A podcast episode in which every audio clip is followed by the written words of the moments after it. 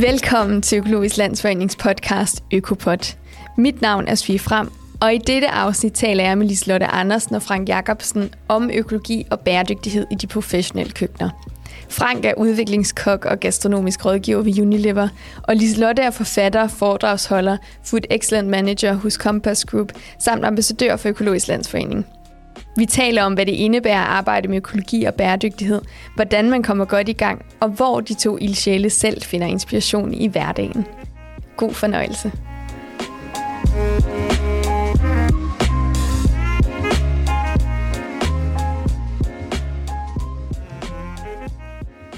Liselotte Andersen og Frank Jacobsen, velkommen til Økologisk Landsforenings podcast Økopod. Temaet er økologi og bæredygtighed i professionelle køkkener, Øh, og det emne er de helt rigtige til at sætte ord på, fordi I kommer nemlig fra to vidt forskellige køkkenverdener. Frank, du er udviklingskok og gastronomisk rådgiver ved Unilever, hvor du arbejder med produkter, opskriftsudvikling, afholder workshops og oplæg om blandt andet bæredygtighed og madspild. Liselotte, du er forfatter til bogen Fremtidens Køkken. Du laver kursuser i klimamad gennem din virksomhed Kokken på Kanten, og så er du Food Excellence Manager hos Compass Group samt ambassadør for Økologisk Landsforening. Så fik vi det på plads. Øh, mit første spørgsmål til jer handler om økologi og bæredygtighed. Det er nemlig to dagsordner, der støtter hinanden i køkkenet, øh, men man kan arbejde sig hen imod at blive mere bæredygtig og økologisk af mange veje. Frank, øh, hvordan arbejder du med økologi og bæredygtighed? Øj, altså som fagmand de sidste 30 år, så arbejder jeg jo hver dag med bæredygtighed i det job, jeg har. Øh, økologi, nu arbejder jeg jo for industriens side rigtig meget, men jeg har jo også utrolig meget øh, kontakt til, øh, til den gastronomiske branche i det, at jeg holder oplæg, og, og jeg inspirerer gastronomisk så meget, som jeg overhovedet kan. Mm. Men jeg prøver på at få gjort bæredygtigheden mere synlig for kokkene, fordi at der er blevet stadfæstet 17 verdensmål, mm. øh, og under det, der ligger der en 160-70 øh, delmål, og det vil jo være nemt at kunne gå ud og sige til branchen, altså prøv lige at læse op på dem her, og så sørg for at få dem implementeret i dit køkken, mm. men så nemt er det bare ikke. Nej. Økologi er, er et mere stadfæstet brand, som står for rigtig, rigtig meget godt, og det er nemmere at være økologisk, fordi der er et stempel på det. Mm. Så, øh, så, så gennem din råvarer og, og gennem din tankegang kan du være økologisk. Bæredygtighed er, er en lidt mere, lidt mere sjov kringling. Mm. Øhm, så, så, så det arbejder jeg rigtig meget med at, at formidle, hvordan får du den her bæredygtighed ned på skærebrættet? Hvordan får du alle de her delmål og verdensmål ned igennem trakten, så du føler, at du gør en forskel hver dag, både socialt, økonomisk og især klimamæssigt, og stadigvæk opretholder den gastronomiske kvalitet. Mm. Så, så jeg prøver at tænke over alt, hvad jeg gør, og det kan være gennem madspil, det kan være gennem øh, potentialet i de råvarer, du bruger, det kan være gennem din indkøb, det kan være dyrevelfærd, det kan være den her kombination, jeg har altid prøvet at gøre sådan, at vi tager det bedste af bæredygtigheden og det bedste af økologien og prøver at lyne den lynlås, og så tror mm. jeg, man får allermest ud af det. Klart. Så det er også at gøre det meget håndgribeligt. Lige præcis, ja. gøre det håndgribeligt og få folk til at forstå, jamen bæredygtighed, det er sådan en luftballon, og, mm. og, og økologi, det kan vi forstå, og heldigvis for det. Men, men, men bæredygtighed, det skal gøres forståeligt. Det skal mm. vi have ned på skærebrættet, og så skal folk forstå, jamen, hvordan gør jeg en forskel, både økologisk og, og, og bæredygtigt, og er, er økologi bæredygtig, og mm. øh, hvad er det egentlig, hvordan, altså, der er meget forvirring, og jeg prøver ja. på at, at gøre det mere forståeligt, sådan at folk de føler, okay, jamen, jeg gør en forskel. Mm. Jeg gør faktisk noget, som er bæredygtigt hver dag. Øh, og at man så handler økologisk og tænker ind i, jamen, hvordan kan jeg gøre det her bedre, så er det, så er det jo fantastisk, hvis man kan kombinere de to ting. Men det skal gøres håndgribeligt. Mm. Liselotte, hvordan arbejder du med økologi og bæredygtighed? Jamen altså, jeg arbejder med det igennem de øh, workshops, jeg afholder. Jeg er ude at holde foredrag omkring økologi og bæredygtighed. Jeg underviser i grøn omstilling. Og øh, så har jeg jo som sagt skrevet den her kogebog om øh, fremtidens køkken, mm. og den handler rigtig meget om, om det her med, hvordan, om bæredygtighed faktisk, altså hvordan man igennem den måde, man laver mad på, kan være mere bæredygtig, hvordan man kan integrere økologi øh, i det køkken. Øhm, jeg arbejder jo rigtig meget med madspil, og derudaf så bruger jeg ikke bare mit, øh, mine rester, men hele råvaren, og der er det jo rigtig vigtigt, at det er økologisk, fordi jeg bruger skaller og skralder. Mm og øh, rødder og så videre. Så jeg vil gerne have, at øh, den energi, der er i de her råvarer her, den er øh, produceret blandt andet uden pesticider. Men bæredygtighed, som Frank han siger, det er en lidt mere øh, diffus størrelse, og er økologi bæredygtig? Og det kommer jo rigtig meget an på, hvordan man, man bruger det her økologi. Og, øh, og der mener jeg, at hele måden, man laver mad på i køkkenet, skal gøre, at økologien er bæredygtig. For det mm. handler rigtig meget om, at du ikke øh, tager mere, end du giver. Og at du måske altid giver lidt mere tilbage, end, end du har taget. Og øh, det handler om, at vi bruger øh, det hele af de råvarer, vi har. At vi er mere nøjsomme med, med, med de råvarer, som vi bruger. At vi tænker rigtig meget sæson. Så, så det handler om hele systemet. Det handler ikke kun om økologi. Det handler om, om hele balancen rundt omkring det. Mm. Men det er også din oplevelse, hører jeg næsten, som Frank også siger, det her med, at jamen, det er stadig lidt øhm, diffust. Altså, det er nødvendigt at, at gøre det mere konkret. Ja. Øhm. For ellers så kunne man jo godt øh, sige, at altså, der er nogle ting, som, som det konventionelle gør, som egentlig på den måde er mere klimamæssigt. Men det handler for mig om at starte det rigtige sted, fordi i den sidste ende vil det ikke være klimavenligt, hvis det er sådan, at man... Øh, stresser jorden og, og udnytter den for mm. meget. Altså, så det er lidt ligesom at tisse i bukserne. Så man skal starte det rigtige sted, og så skal man lære at, at, at forbruge ikke mere end, end der er, og end, end man egentlig har. Altså hvis du har 10 kroner, så er det jo det, du bruger. Ikke? Også mm. ligesom økonomi. Du kan ikke bare bruge 100 kroner, når du kun har 10, fordi så på et eller andet tidspunkt, så er der altså en regning, der skal betales. Mm. Og selvom at, øh, at økologi og, og bæredygtighed hænger, hænger godt sammen, så, så kunne jeg godt tænke mig lige at zoome lidt ind på, på økologien øhm, og høre jer om, hvad det egentlig indebærer at arbejde i et, øh, i et økologisk køkken. Øhm, kan I sætte et par ord på det? Altså, det er jeg sikker på, at vi godt kan. øh, jeg, øh, jeg bruger jo selv økologi øh, meget, også i, i, utrolig meget i privaten. Altså, jeg køber mm. det økologi, at jeg næsten kan. Øhm, og det er, jo ikke, det er jo ikke sådan, fordi at man kan se øh, eller smage det forskellen, når man producerer mad. Så jeg tror, økologi, det handler måske, selvfølgelig kan man godt se forskellen nogle gange, øhm, og det ved du sikkert meget mere om, end, end, end jeg gør, fordi at, at du, jeg tror, du er mere, øh, Liselotte, altså, du er mere nede i økologien, hvor jeg kører mere op på bæredygtigheden, og det er også derfor, at den her kombination af podcasten er mega fed. så, øh, så Øhm, I forhold til økologi, der tror jeg, at det handler rigtig meget også om vaner, og så handler det måske også, i hvert fald et af de ting, som der har været på tale i forhold til økologi, er selvfølgelig også økonomi. Mm. Øhm, men jeg, jeg tror, det handler rigtig meget om gode vaner, ja. fordi økologi er øh, gode vaner, og så handler det også om at tage nogle beslutninger om, hvad vil jeg gøre, eller hvad vil man gøre, og hvad er det for et signal, man vil sende. Øh, økologi handler jo utrolig meget om, om, om klimaet, men det mm. handler jo også om dyrevelfærd. Mm. Altså, det handler om vores grundvand. Det handler om, om rigtig mange ting, ud over bare at spise et måltid mad. Mm. Øh, det handler om generationer, altså det handler om, om rigtig mange ting. Så det her med at arbejde med økologi, øh, det slår altså meget dybe rødder i forhold til, øh, øh, hvor, hvor, hvor godt det er. Så, så det er altså det er meget bredspektret, det her med økologi. Så jeg synes, at, at, at kan man tage det ansvar, øh, og har man mulighed for at tage det ansvar, så skal man altid gøre det. Mm. Så, så øh, økologi er ligesom en, for mig er det en, en, en god vane, fordi jeg ved, at når jeg køber noget, der er økologisk, så ved jeg per automatik, og det er det, at, at der er godt ved økologien nu, det er, at den er stadfæstet. Mm. Folk ved per automatik, at når det er det valg, de tager, så gør de noget godt hele vejen rundt. Og det tror jeg er rigtig vigtigt at nå dertil. Mm. Kunne man så få et, et, et mærke, hvor der, var, hvor der stod bæredygtighed, øh, så kunne det være cool, men vi har jo simpelthen så mange mærker, vi næsten drukner i dem. Der er nøglehulsmærker, og der er fiber, og der er øh, madspil, og der er alt muligt. Mm. Så, øh, men økologi, det er nok øh, en fantastisk vane. Mm. Altså, så, øh, så, så, og, og det stikker meget dybt mm. øh, og meget bredt. Hvad tænker du, Lislande? Jamen altså omkring det med at arbejde med økologi i køkkenerne. Mm. Øhm, noget af det, som vi i Kompas for eksempel underviser vores øh, køkkenchef rigtig meget i, og som jeg selv har arbejdet øh, med i rigtig mange år, også tilbage dengang jeg var i køkken, det er det her med at have en fleksibel tankegang, når jeg arbejder med mad. Ja. Øhm, det er rigtig meget med at gøre mig umage med råvarerne, udnytte dem 100%. Det, det er meget med at udforske råvarerne. Hvad, hvad kan de egentlig? Og skabe oplevelser med øh, billige basisråvarer frem for, for dyre råvarer. Mm. Det, så er det rigtig meget med at bruge det, som er tilgængeligt. Altså hvis, øh, og nu har jeg jo været stor hjælp med, at at øh, jeg nogle gange har været lidt glemsom, når jeg for eksempel har handlet ind, og så lærer man jo at klare sig med det, man har. Mm. og det kan altså være en rigtig god ting i forhold til det her økologi og bæredygtighed, at, ja. at man ligesom klarer sig med det, man har, og det synes jeg faktisk, der kan gå helt sport i.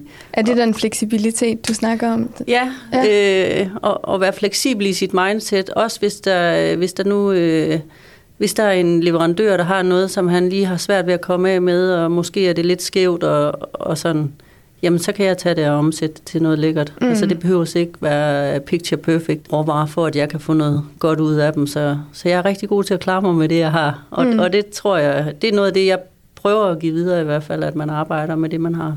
Ja, for, for mit næste spørgsmål handler om, hvordan man arbejder med økologi kontinuerligt, men, men på en god måde. Altså, har I gjort jer nogle erfaringer her? Du snakker lidt om at, at være open-minded og fleksibel, men, øh, men er der andre greb, øh, som er vigtige i en økologisk hverdag? Jamen altså, øh, noget jeg tænker meget over, det er øh, enkelhed. Ja. At øh, man kan lave rigtig god mad med, med få ingredienser, og øh, så rigtig meget med det her med at få smag ind i råvarerne. Mm. Der vil jeg også sige, Unilever, altså det er jo noget af det, de gør rigtig meget øh, for, øh, det her ja. med smag.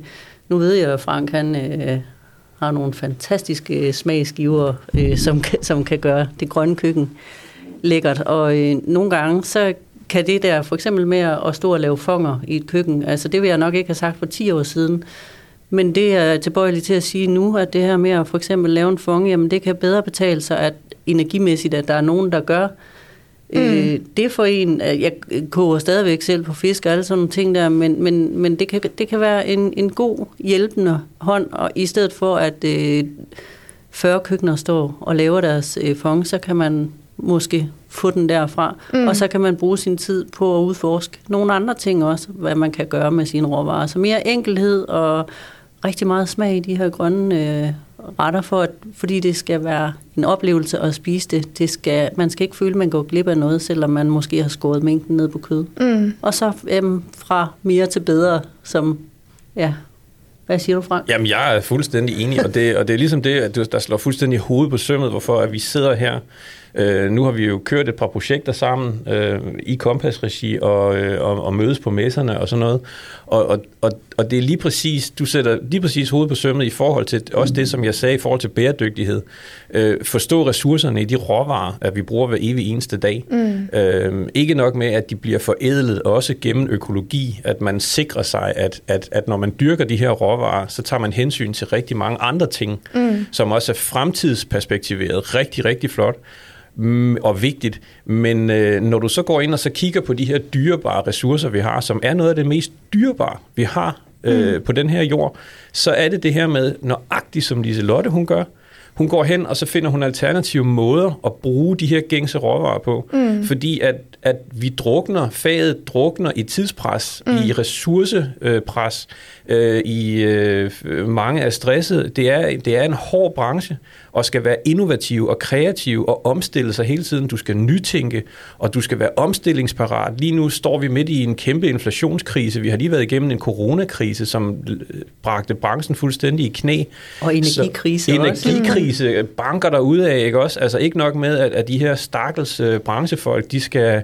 Ja, stakkels, det er et forfærdeligt ord, men, men, men det er de. Når vi mm. ser dem derude, det er ganske forfærdeligt, og det river mit hjerte i tu, fordi... Og det er det, vi rigtig gerne vil, tror jeg. Det er det, det jeg hører dig sige, det er, at, at når du både tænker bæredygtighed og økologi, så er det fordi, at begge udtryk sætter en stor fed streg under, at vores råvarer, det er de dyrebareste, vi har. Mm. Øhm, og, og, og, og fagfolkene skal have tid til at tage et blomkål op foran deres hoved mm. og tænke sig om i tre minutter, hvad er potentialet i den her råvare? Mm. Hvad kan jeg gøre med den her råvare? Hvordan kan jeg udnytte den?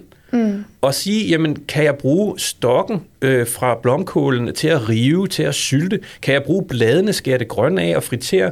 Kan jeg, kan jeg sylte bladene? Det kan du faktisk. Det bliver ligesom asier, når de har ligget længe nok. Mm. Øh, hvordan kan jeg tilberede et blomkål? Jamen, det kan rives, det kan pureres, det kan koges, det kan bages, det kan steges, det kan saltes, det kan tørres, det kan fermenteres. Hvad er potentialet i de råvarer, vi bruger? Og så prøve måske at bruge, have et et, et lidt smallere udvalg. Ja, det er lige præcis det, der er spændende. Og mm. udnytte det fantastisk. Og der er Liselotte den bedste og dygtigste ambassadør, fordi at hun har altså, hun, hun kan så meget kreativt, mm. og hun kan give så meget, som, som man ikke behøver måske at tænke de her ting selv. Right. Fordi man måske ikke har ressourcerne til det. Mm. Men det er simpelthen så vigtigt, og det er den måde, at vi kan lyne den her lynlås på. Det er, mm. hvordan udnytter vi ressourcerne, og hele tiden opretholder den kvalitet, som forbrugeren forlanger, og branchen gerne vil give. Mm. Så, så jeg synes jo lige præcis, at det er en lynlås, vi lyner i dag, på en eller anden måde. Yeah. Ikke? Altså, det er jo mega fedt. Mm. Har I andre eksempler på, hvad, øh, hvad bæredygtighed øh, for eksempel kan være i en køkkenkontekst?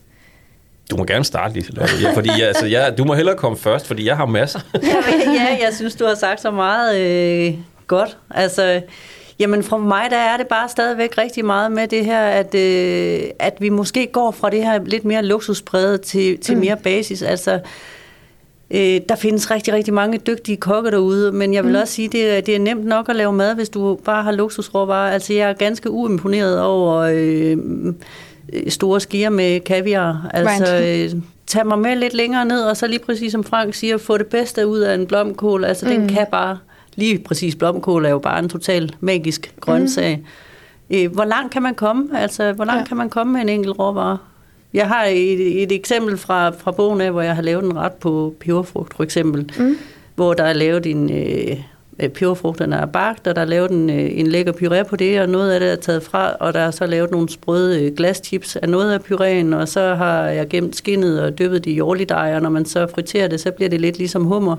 Det får den her, øh, den røde farve skinner igennem, og, og det har den her pimentsmag. Mm og kernerne er poppet øh, til popcorn, og, og ellers så er skroget det er lavet til sådan noget rub, som man kan bruge som krydderi. Og, og så kan man jo faktisk godt øh, lave en hel ret af... Altså det lyder hvis, sindssygt lækkert. Også hvis, også hvis man er lidt doven og mm. øh, ikke gider handle ind, før man skal have gæster, ikke? Også, så kan man faktisk komme utrolig langt. Altså jeg tror, jeg mm. kunne lave mad i tre måneder med det, som folk de har i skaben. Kunne du ikke også det, Frank? Sagtens.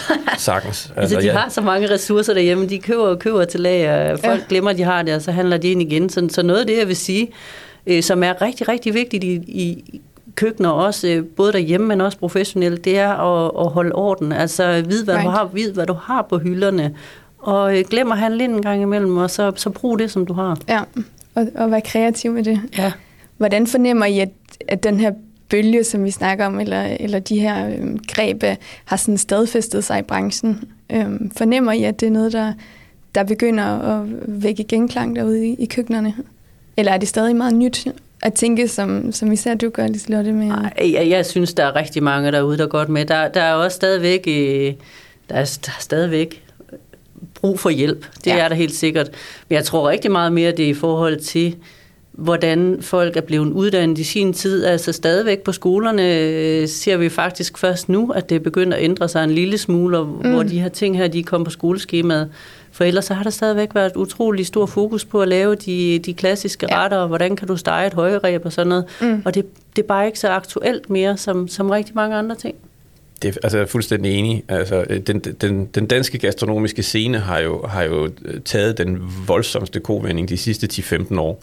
Senest med øh, super, super vanvittigt dygtige Brian Mark Hansen, som går ned og tager, tager guld hjem til Bocuse d'Or til Danmark for, jeg tror det er tredje gang, vi, vi banker en guldmedalje hjem, eller, mm. eller fire ja, gange, måske tredje eller fire gange. Mm. Det er, Øhm, så, og man kan sige, at øh, hele Noma-revolutionen øh, satte fokus på nordisk køkken og bruge sin råvarer på en anden måde, og faktisk finde råvarerne lige uden for døren.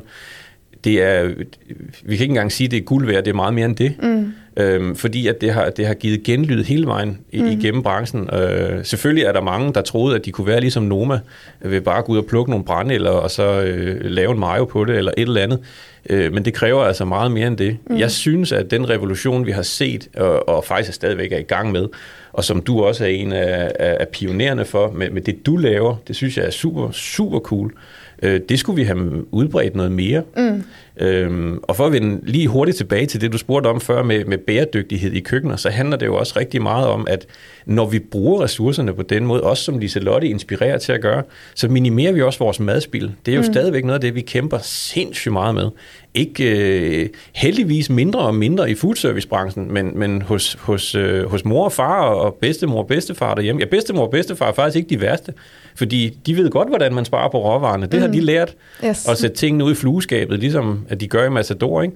Men, men altså, det her med at passe på sine ressourcer øh, i, på mange vinkler, øh, minimere dit madspil. Mm. Husk nu, at det er ikke spild, før det ligger i skraldespanden, og, det, og de allerdyreste råvarer, du kan handle ind, det er dem, der ender der. Mm. Ja, altså, pengene de ligger i skraldespanden. De ligger i skraldespanden. Det er og det er der led. alle pengene til alle oplevelserne og alle de gode råvarer, de også ligger. Mm. Og lige præcis, lige præcis. Hvis man forstår samtidig med, altså, og man siger, at jeg har ikke råd til at købe økologi. Jo, du har, mm. for du skal bare købe noget, du skal have et, et, et, et smallere udvalg, og så skal du bare sørge for at, at, at, øh, at være kreativ med det, du har. Ja, for jeg tænker, at der er to gulerødder et eller andet sted. Så altså, der er den økonomiske gevinst ved at være bedre til at bruge sine råvarer, men så er der jo også oplevelsesgevinsten, som vi snakker om, ved at være mm. mere kreativ med de råvarer, man så engang har. Ja. Ja. Der kan du skabe nogle helt andre smagsoplevelser, ja. så der er jo to rigtig gode grunde til at, helt vildt, at være altså. mere ærkær omkring sine råvarer. Og så skal man heller ikke glemme, at, at hvis man snakker bæredød, bæredød, undskyld, bæredygtighed, ja, det kan vi, så kan vi også snakke om, det kan vi vente med tilbage efter. Men når man snakker bæredygtighed, implementerbar bæredygtighed i køkkenerne, så er der jo, der er jo tre forgreninger på det her. Der er den økonomiske del, der er den sociale del, og så er der selvfølgelig klimadelen. Mm. Og klimadelen, den synes jeg jo, vi får dækket rigtig godt ind via økologi. Mm. Og via den inspiration, som, som sådan en pioner som Lise Lotte kommer med blandt andet. Og så prøver vi jo også selv, jeg prøver jo også selv på at, at skabe inspiration ved opskriftsudvikling hele tiden, og gå mere plantebaseret. Og så mm. det her med, som Lise Lotte nævnte, at skabe smag. Ja. Fordi, nu har jeg også smagt dine retter, og det har altid været en kæmpe oplevelse af smag, virkelig. Men det er jo det her med, at, at grøntsager er jo fra naturens verden udstyret. Vi skal jo de fem grundsmage ind, mm. og grøntsager er jo tit kun udstyret med tre, enten sødme, syrlighed eller bitterhed. Det er ikke så tit, man oplever øh, naturlig umami eller salt øh, fra naturens side i, i, i grøntsager. Mm. Så det skal vi finde en, en rigtig smart måde at komme frem til, mm. øh, og, og, og det er fedt. Ja. Det er fedt at lege med og det her. Og det er den eneste måde, man får folk til at spise det på, det er, at de ikke føler, at de mangler det der. Altså, det skal bare smage. Mm. Det er så godt. Lige præcis. Har I andre betragtninger i forhold til, hvordan man kommer godt i gang med at blive mere økologisk og mere bæredygtig? Altså, i, ja. Altså, jeg vil sige, at øh, jamen, når, når man er ude at undervise for eksempel i, i en stor kantinevirksomhed, så vil man måske sige, at hvis du gerne vil have mærket, så skal du gå efter de tunge og alle de her ting her. Mm. Men jeg vil vente om også lidt at for mig, der starter det med, altså hvor ligger din passion henne? Fordi hvis du kan finde din passion, så er det det, der driver dig fremad. Hvis du for eksempel er interesseret i, i madspil, mm. jamen så er det der, du starter. Øh, køb din råvarer økologisk, fordi så kan du bruge det hele. Så kan du bruge skaller og skralder, så er det kan du bedre lege med de her ting her. Hvis du øh, brænder for at bage brød, jamen så start der med alle mm. meltyperne. Leg med stenkværnede korn. Øh, få mere smag i det. Leg med, hvordan du kan bruge dit brød i alle mulige ting. Gæret korn, det giver utrolig god smag, for eksempel i øh, saucer, så du kan faktisk bruge din brød, din brødrester i, i saucer og supper til at give mere umami og, og lege med de ting. Og hvis det er dyrevelfærd, jamen, så vil jeg sige, start med de andre to. men, men dyrevelfærd, jamen køb mindre, men bedre mm. kød. Øh, start med de andre to for at få råd til det her øh, dyrevelfærd. Mm. Og øhm, også, ja, når du tænker madspil, altså hvis du gerne vil bruge det hele, så hvis du øh, køber råvarer fra udlandet nogle gange også, når, når der ikke lige er så meget i den danske sæson, der synes jeg jo, man kan lære utrolig meget af tredje verdens lande. Nu sagde Frank det her med, at vi kan lære meget af vores bedsteforældre, og mm. det er bare så rigtigt. Altså, ja. de havde jo bare ikke så meget at gøre med, og der kan vi også lære rigtig meget af tredje verdens lande, for de har bare ikke så meget at gøre med, og de har en stor tradition for at bruge skaller og skralder. Mm. Øh, så det kan også godt betale sig at købe de her ting, hvis du endelig udover at købe lokalt, hvis du så en gang imellem forkæler dig selv, så tænk måske lokalt, så tænk øh, at købe nogle bæredygtige produkter fra udlandet eller noget fair trade. Mm. Det kan være, øh, jeg samarbejder selv med Social Vanille og Klimamad for eksempel, som, som er pioner for det her med at, at, at skabe bæredygtige produkter i udlandet. Fordi Ja, vi er kun i en lille verden, øh, altså, eller vi er kun lille Danmark, og hvis det ligesom skal hænge sammen i hele mm. verden, så, så er vi også afhængige af, at det går godt i udlandet, og vi mm. støtter nogle gode produktioner dernede. Og der tænker jeg også, øh, bæredygtighedsmæssigt tænker jeg også etisk, mm. at øh, folk skal have det ordentligt, og de skal have noget ud af deres afgrøder. Skovlandbrug synes jeg er ekstremt spændende, og også noget der, hvor vi lærer af Zimbabwe for eksempel. Øh, Økologisk Landsforening har nogle projekter dernede, hvor de lærer af Zimbabwe, hvordan de gør dernede med deres skovlandbrug, hvordan man får flere forskellige øh, små afgrøder, som man kan leve af. Mm. Det synes jeg er vildt spændende. Meget. Og jeg, og jeg blev mærke i noget af det første, du sagde, Liselotte, med, at du vil egentlig anbefale, at man starter med lige præcis det område, der egentlig, hvad skal man sige, øhm, det man brænder mest for. Ja, fordi så kommer det andet lige så langsomt med. Altså det udvikler sig, det griber om sig. Mm. Og jeg synes, øh, det er en stor, kæmpe læring øh, årene over. Altså, jeg startede et sted, og hvis man skulle sige, nu ved jeg, et af spørgsmålene måske kommer med, øh, hvor bæredygtig er vi selv. Hvis jeg skulle sætte mig selv på en skala fra, fra 1 til 10, så er jeg måske en 6, men jeg tror om 10 år, så vil jeg sige, at du har skulle kunne 4, fordi jeg lærer hele tiden. Mm. Hvad med dig, Frank? Har du nogle, øh, nogle gode råd til, hvordan man kommer godt i gang med at blive mere økologisk og bæredygtig? Jamen, altså, jeg kan, jeg kan kun sætte en stor fed streg under det, du siger jo. Altså, det er det her med at finde sin passion. Hvad er det egentlig, man brænder for? Mm. Nu har vi, øh, jeg har undervist rigtig, rigtig mange køkkener i, i det her med, som jeg nævnte før, det med at få bæredygtighed ned på skærebrættet. Mm. Øhm, og, og, og det er jo det her med at, at, at skabe ressourcer for sig selv, for at, at at, at fremfinde de ressourcer til at gøre det, man vil. Blandt andet at, at, at gøre noget mere økologisk, eller måske, som du selv sagde før, jamen køb lidt mindre kød, men så køb det gode. Mm. Øhm, og jeg har undervist også meget i den her sociale bæredygtighed i køkkenerne, fordi man kan sidde med et helt køkken, hvor der måske er 11 ansatte, og når man så spørger dem om, har I talt jeres øh, erfaring sammen her i køkkenet, jeres brancheerfaring sammen, og så ender de måske på 100 års samlet erfaring, og de har kun arbejdet sammen i tre. Mm. Øh, og så siger vi, jamen, prøv nu at høre her, den sociale bæredygtighed, det er, hvordan er jeres kommunikation i hverdagen, hvordan arbejder I sammen, hvordan inspirerer I hinanden? Mm. Ja, og hvordan, hvordan deler I viden? Ja, hvordan deler I viden? Og jeg har altid arbejdet ud, jeg har arbejdet med mange kokkeelever og uddannet mange kokke, og jeg har altid gået ind på folk, og så har jeg prøvet at kigge på dem og så sagt, hvad er du god til? Mm. Mm. Og når jeg så har fundet ud af, hvad du er god til, så gør jeg dig bedre til det. Og det, du måske ikke er særlig god til, det bruger jeg ikke så hulens mange ressourcer på at prøve at gøre dig bedre til.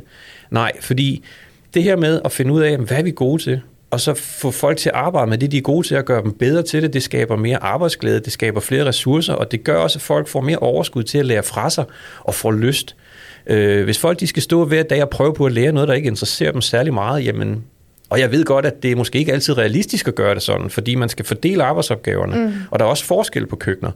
Øh, men, men hvis man i så vid udstrækning som muligt kan gøre den her sociale ting, så får du noget mere social bæredygtighed ind i køkkenerne. Du får en bedre kommunikation, og du får et bedre arbejdsmiljø, og du frigør nogle ressourcer, du faktisk ikke vidste, du havde. Og så har du faktisk din egen kogebog i 100 års erfaring, hvor man kan begynde at bruge hinandens ressourcer og tage sig tid til at bruge dem. Mm. Altså, man kan jo sagtens snakke, mens man arbejder. Så, så det er jo ikke fordi, at vi kun kan dele ressourcer, når vi sidder til frokosten. Mm. Øhm, og det økonomiske, det kommer jo også sådan lidt af sig selv, fordi alle er tvunget til at være økonomisk bevidste i dag. Mm. Øhm, men men du, kan, du kan jo også skabe kreativitet via øko, din, den bæredygtige økonomi ved at, at lære, som vi begge to har nævnt tidligere, hvordan udnytter du ressourcerne i din råvarer. Mm. Øh, planlæg dine indkøb. Find ud af, hvordan ser hele ugen ud hvad, hvis jeg køber rigtig meget af det her, hvad kan jeg så bruge det til i morgen? Fordi jeg ved nemlig godt, at blomkål det både kan pureres og brunes og tørres og saltes, samtidig med at det også kan bruges råt. Ikke? Og hvad er potentialet i råvaren? Der er jo forskel på, om en råvare den er rå eller tilberedt. Det er jo være to vidt forskellige råvarer. Mm. De smager forskelligt, de har forskellige teksturer, de har forskellige visuelt look. Så en råvare kan være to forskellige, alt efter om den er rå eller tilberedt. Så hele tiden det her med de her tre ting, det klimamæssige, som du får ind gennem dine råvareressourcer og din vidensdeling, øh, og den måde, du tænker reducering af madspil, også CO2 er jo mega vigtigt. Mm. Det her med, jamen, hvordan handler du ind i forhold til din CO2? Øh, hvad for nogle proteiner bruger du? Øh, det sociale, og så kommer det økonomiske stille og roligt af sig selv, når man begynder at, at bruge sine ressourcer rigtigt, og når man begynder at bruge sine råvarer rigtigt. Når, øh, når I selv skal udvikle jer, øh, hvem ser I så op til i køkkenet? Er der nogen eller, eller noget, I ser eller inspirerer i tiden? Jamen altså, jeg har en, øh, en ven, der er jæger, og ham er jeg egentlig meget inspireret af. Han bor øh, langt, langt ude i en skov mm. øh, for sig selv med sin datter. øh, er fraskilt, og så, øh, så skyder han jo sit kød der, og så er han simpelthen så heldig, at han er øh, bestyrer i den der skov, så han kan sange masser af svampe og urter. Og det er mega fedt at besøge ham. Altså, der er altid et eller andet, der står og braserer på, på kogepladen der. Og man drikker lidt vin og får noget god mad. Og, og det er den her tid, der ligger i det. Altså, ja. Fordi for mig er det her bæredygtighed, det er også noget med balance i ens liv og tid og alt sådan noget. Jeg vil gerne arbejde lidt mindre, øh, og der er jeg også nødt til at sætte hele mit forbrug ned. Jeg tænker rigtig meget økologi på den måde, at og bæredygtighed på den måde, at vi i det hele taget skal sætte vores forbrug ned. Mm. Altså, jeg køber tit genbrugsmøbler og genbrugstøj, og, fordi jeg simpelthen ikke gider at knokle så meget for at få det hele til at leve rundt. Altså, det tænker jeg også, der er noget værdi i. Så jeg rent faktisk har tid til at sidde og drikke en kop kaffe en gang imellem. Det kniver stadigvæk lidt, men jeg øver mig virkelig. Fedt. Jamen, altså for mit vedkommende, så... Øh, altså, jeg er jo også på sociale medier, og jeg, jeg kigger jo, og jeg ser også madprogrammer, og jeg kan ikke lade være. Det gør jeg også primært, fordi mine unger elsker at se det. Mm-hmm. Øhm, og jeg lader mig inspirere gastronomisk stort set af alt, hvad jeg kigger på, og så sorterer jeg ind i mit hoved, om det er noget, jeg kan bruge eller ikke bruge. Øhm, men, men altså, man kan jo ikke lade være med at blive inspireret af, af, af den stemning, der er i Danmark omkring gastronomien, og har været, som jeg har nævnt før, de sidste 10 år, at Danmark går ned og vinder til Bocuse d'Or, selvom det mad, der bliver lavet dernede, er fuldstændig i en liga, hvor, hvor ingen normale mennesker kan komme i nærheden af det. øhm, øh, og så, så jeg tror nok, jeg bliver mere inspireret af hvis jeg møder for eksempel en ung iværksætter inden for, for den gastronomiske branche, som brænder for det, han tror på, mm. så er det nok ildsjælen, jeg bliver inspireret af. Jeg får energi af at se andres energi. Mm. Når jeg ser uh, Lise Lotte, der sidder her ved siden af, når jeg ser hende udgive en kogebog og brænde for, for den måde at bruge råvarer på, så er det det, jeg bliver inspireret af. Det er mm. hendes ildsjæl, der inspirerer mig til, at, og, og det er det, der får, det, er det, der giver mig energi mm. til at gå videre med det, jeg arbejder med lige nu. Øhm, og så, så, så det er altså det, der inspirerer mig mest. Men, men rent gastronomisk og, og det her med at være innovativ med råvarer, jamen der, er det, tror, der tror jeg bare, det, det er at lade sig selv blive det, som Charlotte, eller som undskyld, du, Liselotte, du siger, at du fritænker. Prøv nu bare selv at blive fritænker omkring dig, eller være med at sætte dine egne begrænsninger. Mm. Du lærer også af at fejle. Så, så kør nu los. Han lærer vildt meget af erfaring. Du lærer vildt meget af erfaring. Du lærer måske nogle gange mere. Ikke? Der, smidt, der kommer og bliver smidt i skraldespanden der. Det er der. ja, ja, og det er jo det. Altså, men men jeg, bliver, jeg bliver mest inspireret af de ildsjæle, fordi hvis jeg møder en ildsjæl på den måde der, som brænder for det, de gør, altså, så, bliver jeg, så får jeg selv energi af det, og det er det, det, der tænder mig. Mm. Det er simpelthen øh, den her, altså de fagfolk, vi har i Danmark, de håndværkere, vi har i Danmark, som stadigvæk håndhæver faget på en fornuftig måde. Mm. Fordi det kan også være, nu sidder jeg jo her, kan man sige, jamen, jeg kommer fra, en, fra, fra den gastronomiske industridel, øh, ikke? Mm. Men, men jeg arbejder jo, altså, den industrielle del på tallerkenen, når retten er færdig, den fylder måske kun 2-3 procent. Så jeg er, jo, jeg er jo ikke bare tvunget, jeg elsker jo at have fokus på de andre 7-98 procent, som vi har siddet og snakket om de sidste mm. 20-25 minutter her. Altså, og, og de håndværkere, øhm, som arbejder med det her, og, og, og arbejder med at lære fra sig, mm de inspirerer mig hver dag. Her til slut vil jeg høre jer begge, hvor, hvor økologiske og bæredygtige er egentlig selv. Liselotte, du kom ind på det lidt tidligere, du sagde en sekser. Ja, altså, øh, og det, jeg mener virkelig altid, der er plads til forbedring, og det er også fordi, jeg ser det her som, som ikke kun værende mad. Mm. Altså, det er hele ens livsstil. Det er, hvad man køber af tøj, det er makeup, det er møbler, det er...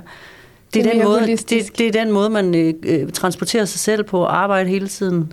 Øh, der er rigtig, rigtig mange aspekter i det her, så, så, så der er bestemt plads til at blive bedre. Og jeg, jeg tror ikke, jeg er den værste jo. Altså, jeg sorterer, jeg er kreativ med mit madspil og alle de her ting her, men mm. der er bare plads til at blive bedre.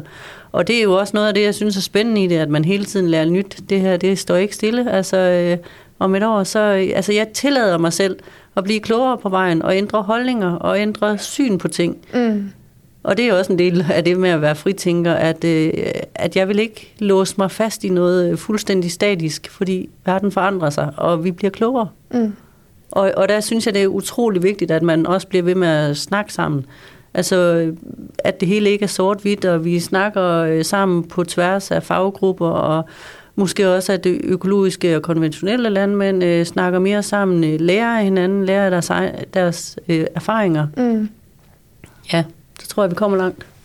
Enig. Hvad med dig, Frank? Hvor, hvor økologisk og bæredygtig er du? Jamen, altså som jeg sagde før, altså når jeg handler ind derhjemme, øh, så handler jeg jo øh, meget økologisk. Øh, det gør jeg helt sikkert. Og det har jeg gjort mig selv til en vane at gøre. Øhm, og, og det gør jeg også for mine børns skyld. Mm. Øh, og sådan er det bare. Øhm, så bæredygtigt, altså nu bruger jeg jo en tredjedel af mit liv på at arbejde, og, og jeg bruger øh, nok 60-70 procent af mit arbejdsliv på at, at formidle, øh, kan man sige, fornuften i bæredygtighed, og hermed også økologi helt automatisk. Det er jo ikke fordi, at vi i Unilever ikke har, har økologiske produkter. Vi har også både bouillon, vi har tørret pasta, vi har stivelse, der er økologisk og sådan noget.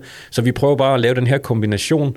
Men i forhold til at, at være bæredygtig, der tror jeg også nok, jeg rammer en 5-6 stykker, fordi der er jo i den grad plads til forbedring. Det er jo, det er jo virkelig noget, hvor vi kan sige, jamen det er jo generationerne, det er jo måske Greta Thunberg, der, der har ret i nogle af de ting, ikke? Altså få nu, få nu den generation med. Jeg ved, jeg har gjort noget rigtigt, når jeg står under den varme bruser, og der lige pludselig bliver banket på min dør, og det er måske min yngste datter, der siger, far, du siger, vi kun må stå der fem minutter, ikke? Yeah. Jamen, så ved, så ved jeg, at jeg har ramt noget, så har jeg i hvert fald gjort noget bæredygtigt, fordi så har jeg lært mine børn og den generation, at vi skal passe på det, vi har. Mm. Det er så bare lidt ærgerligt, at, at, at jeg ikke var god nok til at gøre det, da jeg var i deres alder, eller mm. mine forældre var ikke var gode nok til at fortælle mig, at det her var vigtigt. Men måske var vi bare ikke klogere. Heldigvis, så håber jeg ikke, det er for sent, at vi bliver det nu. Og jeg tænker også, altså, jamen, jo mere man lærer omkring det her, jo mere ved man også, at, at, at, at man ikke ved. Mm. Og, og der er så meget mere endnu at lære. Og øh, ja, altså mig og Frank, vi har en alder, hvor alt har godt nok ikke været perfekt, og, og, og vi prøver at gøre det bare øh, lidt bedre og gøre en lille bitte forskel. Og så tænker jeg også, det, det er rigtig meget de unge mennesker, og det er der især dem, jeg også gerne vil være med til at, at inspirere til at, at gøre det måske anderledes end os. Altså, som, som, som du siger, vi behøver måske ikke bruge helt så meget krudt på de ældre, fordi øh, de skal også spise godt og alle de her ting her, men, men i hvert fald så er det jo rigtig meget de unge, der skal bringe det her videre. Liselotte og Frank, det, det bliver de sidste ord for i dag. Tusind tak, fordi I ville være med. Selv tak. Selv tak. Tak til Liselotte Andersen og Frank Jacobsen, og tak fordi du lyttede med. Denne podcast er støttet af Promilleafgiftsfonden. Vil du høre mere, kan du finde alle vores podcast på økologi.dk. På genhør.